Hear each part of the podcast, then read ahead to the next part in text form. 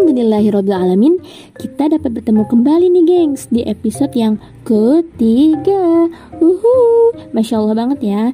Dan teman-teman jangan lupa untuk dengerin Kapopot di episode yang pertama Dan juga yang di episode kedua. Karena kita tuh ngebahas tentang hal-hal yang saik dan insya Allah bermanfaat yaitu tentang multitasking di episode pertama dan juga kedatangan bintang tamu spesial nih di episode kedua tentang perjalanan hijrah seseorang hmm.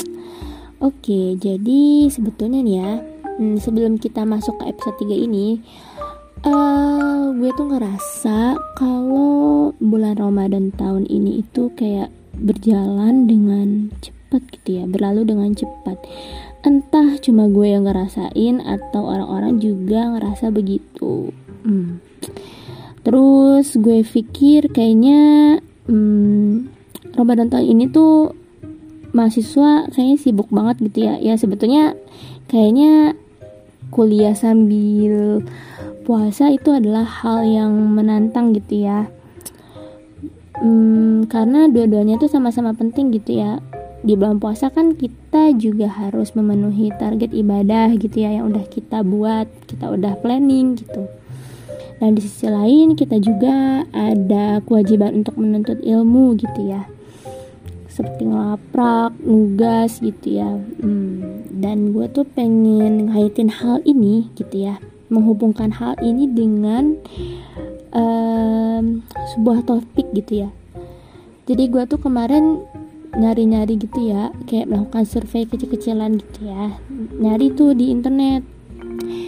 Dan gue nemu nih jurnal yang ngebahas suatu topik yang menarik kalau kata gue. Dan mungkin jarang ya dibahas sama orang kalau menurut gue ya. Karena gue sendiri tuh baru denger gitu ya baru denger pertama kali.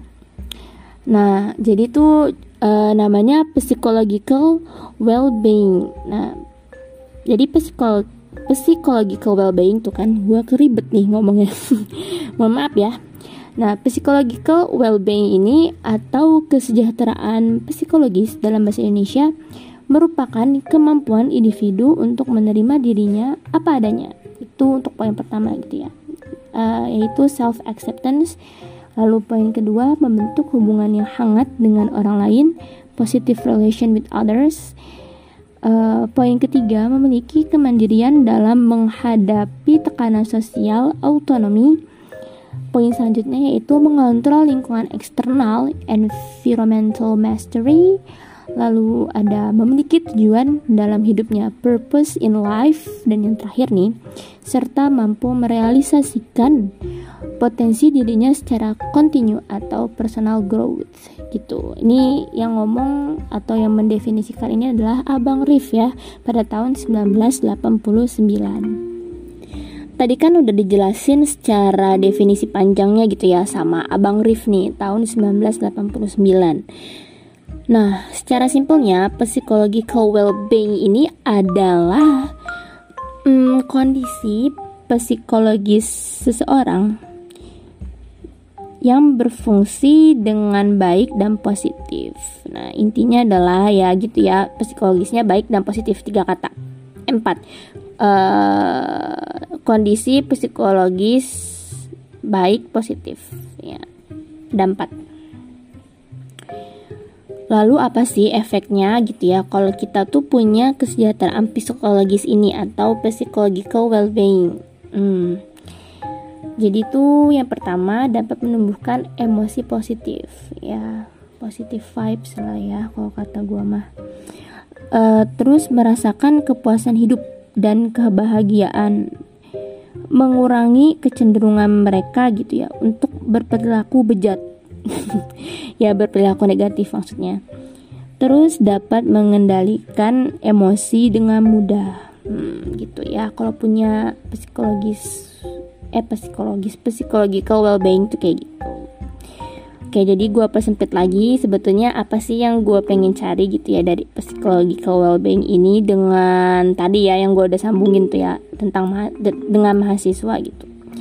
Jadi intinya apakah psikologikal well-being ini bisa terjaga dengan baik atau malah meningkat nih pas mahasiswa dihadapi jadwal dan nugas bejibun. Yang lain pihak harus mencapai target ibadah di bulan Ramadan. Hmm, gitu tuh. Jadi pertanyaan gue kayak gitu ya. Sebetulnya tuh topik ini cukup bukan cukup ya, sangat menantang. Bagi gue yang ngebahas karena dari kemarin gue nemuin literatur yang menghubungkan nih si psychological well-being ini gitu ya dengan dengan kehidupan mahasiswa yaitu seperti kegiatan akademik non akademik gitu ya terus di sisi lain dia juga harus nih harus nih si mahasiswa ini harus mencapai target bulan Ramadan gitu ya. Terus ya gimana gitu tantangannya terus gimana solusinya. Nah itu gue belum nemu ya. Gue belum nemu literatur yang cukup memadai gitu ya. Nah makanya gue tuh pengen lebih diskusi nih ke pendengarnya Kapopot dan gue mau maaf kalau misalnya ada statement nih yang kurang tepat gitu ya. Lu bisa banget uh, kalian gitu ya bisa banget untuk komen di IG dan apa ya kasih kritik dan saran lah di komen Instagram gitu ya ke gue gitu. Oke jadi gue juga ngadain survei kecil-kecilan. Gue nyari tiga orang gitu ya tiga orang temen gue yang dari fakultas dan jurusannya berbeda. Nah jadi ada dari Fateta, Fema, dan Fahutan. Nah, kenapa ada Fahutan? Karena gue anak Fahutan dan gue bangga. Oke, jadi uh, selain itu juga ada dari perspektif gue gitu ya. Uh, gimana sih gue ngalaminnya dan apa yang gue lihat gitu ya dari teman-teman gue gitu. Langsung aja deh check it out. Oke, jadi kita mulai dari perspektif Lala dulu ya. Kalau menurut gua, mahasiswa itu punya dua tantangan. Yang pertama itu mahasiswa punya tantangan nugas atau ngelaprak gitu ya sampai malam. Hmm, sebetulnya ini juga di hari-hari biasa pun terjadi ya. Nah, tapi kan kalau di bulan Ramadan kita tuh pengen bangun tahajud. Nah, kalau jam tidur kurang, otomatis ada kemungkinan gitu ya untuk gak bangun karena kecapean gitu ya. Atau mungkin bangun gitu ya. Alhamdulillah gitu misalnya bangun. Tapi sambil kelayangan atau nyawanya masih di mana-mana gitu ya. Dan dan kalau kata gue ini bisa menurunkan kualitas dari ibadah tahajud itu sendiri. Nah dan akhirnya gue berpikir apakah si bulan Ramadan ini uh, akan mempengaruhi gitu ya pola tidur uh, kita gitu ya nah akhirnya gue searching tuh di artikel ke dan dia bilang gini e, saat berpuasa kita terbiasa untuk mengkondisikan jadwal tidur malam agar dapat terbangun tepat waktu untuk sahur sehingga kualitas dan kuantitas tidur menjadi lebih baik dibandingkan dengan hari biasa. Nah, kok hal ini tuh kayak berkebalikan gitu ya sama kehidupan mahasiswa.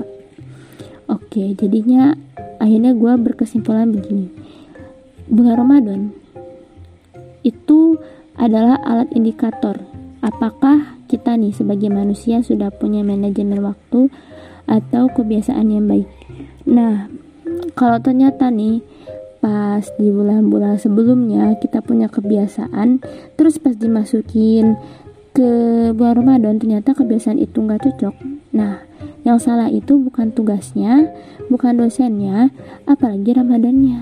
Nah, tapi kebiasaan itu tuh berarti buruk atau jelek gitu ya dan harus diubah supaya bisa match sama vibes bulan Ramadan. Nah, karena sepengalaman gue gitu ya. Gue tuh ada ada kebiasaan buruk gitu lah ya. Nah, terus gue bawa nih pas kemarin nih ada gitu ya bulan Ramadan. Pas bulan Ramadan ternyata gue tuh rada ih wah keteteran gitu ya. Waduh ini tuh eh, nggak uh, bagus nih buat produktivitas gue selama seharian gitu ya. Apalagi kan bulan Ramadan gitu ya. Wah harus harus produktif gitulah ya. Gue tuh malah jadi lemes gitu ya pokoknya. Nah akhirnya gue coba nih besok paginya lagi ah. Eh bener dong itu tuh ya laprak gue selesai dua hari bayangin. Laprak hitung-hitungan gitu deh pokoknya uh mantep dah. Laprak inventarisasi selesai dalam dua hari pengolahan datanya. Uh itu sih masya allah banget saik banget dah. Jadi tinggal pembahasan gitu ya pembahasannya sedikit dan ya udah gue pas hari H aja gue cari hari H pengumpulan dan keburu gitu. Dan gue tidurnya tidak perlu malam-malam jing. Masya Allah itu mantep banget sih kayak uh emang ya harus dihilangkan tuh kebiasaan buruknya. Terus untuk poin kedua nah mudah ngantuk terutama pada jam kritis. Widih ini bener banget nih. Apalagi jam 1 siang wadaw itu udah kayak kasur melambai-lambai gini. Jam 4 jam 3 eh uh, cakep betul itu ya. Nah, jadi beberapa penelitian menunjukkan gitu ya bahwa berpuasa dapat menyebabkan perubahan ritme sirkadian. Saat berpuasa, suhu inti tubuh dan pengeluaran hormon kortisol di siang hari menurun dan pengeluaran hormon melatonin juga berkurang nih geng selama puasa. Nah, terus apaan sih hormon kortisol teh? Nah, hormon kortisol teh, nah eta ya disebut sebagai hormon stres. Nah, jadi dia itu membantu kita untuk tetap terjaga di siang hari. Nah, karena turun, jadi ya udah kita ngantuk. Padahal kan dia yang buat kita uh, tetap terjaga di siang hari tadi itu ya. Terus melatonin itu apa? Melatonin tehnya eta hormon utama yang mengatur siklus tidur bangun. Nah, dengan cara mengubah suhu inti tubuh. Nah, ini juga menurun nih, geng. Jadi ngantuk. Penelitian menunjukkan bahwa rata-rata uh, terdapat penundaan waktu tidur gitu selama satu jam di bulan puasa. Dan jam bertidur jam tidur orang puasa itu berkurang sebanyak 30 sampai 60 menit yang pada akhirnya menyebabkan orang puasa ini ngantuk di siang hari. Nah, terus ada solusinya gala? Hmm Insya Allah ada dong. Tidurlah qailullah tidur siang karena setan tidaklah mengambil tidur siang. Hadis riwayat Abu Naim. Hmm. Tidur siang ini um, durasinya itu 15 sampai 30 menit. Nah, itu udah cukup gitu untuk mengistirahatkan tubuh agar tetap fresh di siang hari. Dan kalau misalnya ngantuk ya bisa ambil wudhu gitu ya. Gue pernah ngantuk ambil wudhu langsung melek. ya itu bener itu langsung melek itu kayak oh ini ini kayaknya emang seton nih syaiton ya syaitonnya nggak tahu syaitonnya apakah gua sendiri atau gimana kan syaiton di bulan Ramadan di ini ya dikunci ibaratnya ya gitulah ya dibelenggu hmm. terus udah gitu ya dari perspektif gua itu oke selanjutnya kita akan masuk ke perspektif teman-teman dari Fateta, Fahutan dan juga Fema. Wah, gitu ya. Nah, kita tuh dapet dari salah satu teman kita Fema gitu ya, yaitu Mbak J. Oke, Mbak J ini bilang gini. Hmm, iya banget nih lah. Pas awal-awal Ramadan itu tugas lagi kayak banyak-banyaknya. Ditambah lagi aktif organisasi dan ikut beberapa lomba. Wah, sibuk banget nih ya kayaknya Mbak J ini. Jujur sempat stres buat ngebagi waktunya. Hmm, mana ada target Ramadan juga kan ya? Jadi kalau aku mah bikin target Ramadannya gak seperti tahun lalu. Dikurangin intensitasnya sesuai kemampuan. Nah jadi kalau Mbak J ini lebih kayak pinter-pinter gitu ya ngatur strateginya seperti apa biar ibadahnya juga dapet dan uh, kegiatan akademik non akademik pun dapet gitu ya. Dan kalau kata Lala sendiri sih ya uh, kan organisasi aktif organisasi gitu ya. Dan ikut beberapa lomba itu juga termasuk produktif dan kegiatan yang berpahala. Karena bisa jadi gitu ya dari organisasi itu ada manfaat bagi orang lain. Dan juga dari lomba itu sendiri ya lu bisa nggak upgrade skill lu kan. Dan ujung-ujungnya kalau lu skillnya bagus ya udah lu ujung-ujungnya juga bermanfaat juga buat orang lain dan itu berpahala gengs. Oke nah terus dari Fateta. Oke jadi inisialnya adalah Mbak N oke Mbak N ini dari Jawa jadi kita ngomongnya um, Jawa mode on ya. Kita coba ngomong Jawa ini ya. Oke jadi uh, Mbak N ini bilang kalau kalau ibadah itu nggak selalu tentang tadarus sholat gitu yo. Tapi re itu kayak ngelapar sampai malam terus kayak nyuci piring nyuci baju kok diniatkan. Karena Allah itu insya Allah ya re dapat pahala. Uh, terus nah Mbak En ini tuh juga ada loh kebiasaan. Pas bulan puasa yo tidurnya dikit banget nih re cuma 2 sampai 3 jam.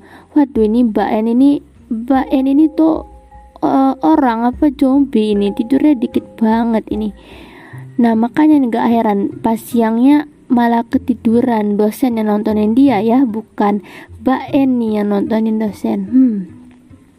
Nah makanya dari pengalaman ini gitu ya Mbak En tuh bilang begini Iya makanya loh kegiatan tuh yore maksimalin gitu yo di di siang hari kayak akademik non akademik itu dimaksimalin loh pokoknya di siang. Nanti tuh pas malam tuh tancap gasken gitu ya uh, fokusnya ke ibadah gitu. Ya makanya intinya gitu yo dari yang bisa diambil gitu dari Mbak Mbak Ain ini bilang gitu kalau ya ibadah tuh gak cuma tadarus tapi juga segala sesuatu yang diniatkan untuk ibadah insya Allah berpahala. Seperti itu gengs.